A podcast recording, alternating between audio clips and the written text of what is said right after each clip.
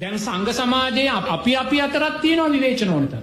බුදුරජාණන් වහන්සේ කොතනකවත් සංඝයාට නෝනා ප්‍රසිද්ධියේ තව ස්වාමින් වහන්සේ කෙනෙක් විවේචනය කිරීම විනයානුකූලව තහනම් කළ තියෙනවා. එහෙමයි එන වහන්සේ. සංඝ සමාජයේ කොතනකවත් සංඝයා සංඝයා විවේචනය කර ගැනීම තහනම්. නමුත් මන් දන්නේ ඇයි දෙයි හාමුදුර දැන් මම ඔබට පන්සිල් බලුවට මන් දැන් අවුරුදු හයක් තිස්සේ බණ කියනවා. මං කවදාකවත් ඔබට ස්වාමීන් වහන්සේ කෙනෙක්ගේ වැරද්දක් කියලා ස්වාමීන් වැරද්දක් කියලා නැහැ. මොකද වැරද්දක් කියලා නැත්නම් අපිට වැරදි කියන්න බෑ.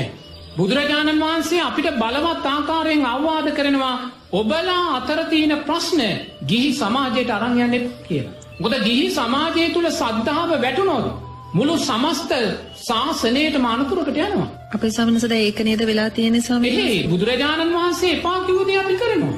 බුදුරජාණන් වහන්සේ දේශනා නෝනා සංඝ සමාජයේ අපි වැරද්දක් කරනවා නම් මම අධර්මයක් දේශනා කරනවා නම් මම යම් දෘෂ්ටියක් දේශනා කරනවා නම් මං යම් විකෘති ධර්මයක් දේශනා කරනවා නම් නෝනා ඒක කවදාක්වත් මාත්‍ය ඉස්සරහට ඇවිල්ලා කියන්න බෑ. එහෙමයි. ඒක විනයානුකූල තත්ත්වයක්. කිසිම සාමීන් වහන්සේ කෙනෙක්ගේ වරදක් මාත්‍ය ඉස්සරහට ඇවිල්ලා ජනතාව ඉස්සරහට ඇවිල්ලා ප්‍රසිද්ධිය කියන්න බෑ. එහෙමයි ස්වාමීන් බුදුරජාණන් වහන්සේ සංඝයාගේ වැරදි උදෙසා ප්‍රාතිමෝක්ෂ සීලයට අධිකරණයන්ට අදාළව විනයකාරණා හතක් පනවන.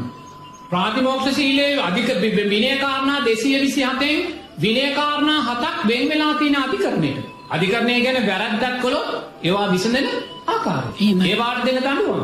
එතකොටවා සංඝයාගේ වරද්දක් තියෙනවා නම් සංඝයා සංඝයා තුළින්මයි ප්‍රශ්න විසඳන්නේ. එහෙමයි ස්වාමීන් දොර සංඝයාගේ වැරදි කතා කරන තැන තමයි උතුම් පොහොයගේ කියල කිය සීමා මාලකයක් කියන්න එහෙමයි. මේ ලෝක ධාතුවේ තුළ තියෙන නොවනා පිරිසිදුම තැන තමයි සීමා මාලකය කියන්න.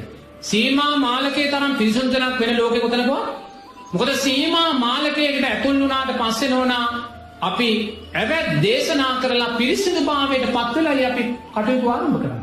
අපේ යම් වැරද්දක් තියෙනනම් ඒ වැරදි ආරෝචනය කරලා අපි ඒක නිවැරදි භාවයට පත් කරලා නිවැරදි භික්ෂූන් හැටියටයි උපසම්පදා භික්ෂූන් හැටියටයි අපි විනය කර්මයට සහභාගී වෙන්නේ. එහෙමයි. තේරෙනවද? ඒ වගේමයි සීමා මාලකයක් තුළට අවම වශයෙන් සාමණේර ස්වාමීන් වහන්සේ කෙනෙකුට යන්න බෑ. එහෙමයි. සාමණේර ස්වාමීන් වහන්සේ කෙනෙක් සීමාවට ගන්නේ නැහැ කවදාකවත්. උපසම්පදා භික්ෂූන් වහන්සේලාට පමණයි. ඒතර සාමණේර ස්වාමීන් වහන්සේ කෙනෙකුට යන්න බැරි නම් ගිහි කෙනෙක් පිළිබඳ කතා කරලා වැඩ නැහැ. ඇයි බුදුරජාණන් වහන්සේ ඒසා රහසිගත භාවයක් එතන නැති කරන්නේ? සංඝ සමාජයේ ප්‍රශ්න බාහිර ලෝකයට යන්න දෙන්න එපා. බාහිර ලෝකයාගේ සද්ධාව දුර්වල වේ. බාහිර ලෝකයා කණ්ඩායම් කල්ලිවලට ගැහිලා ශාසන බෙදීම ඇතිවේ. එනිසා සංඝ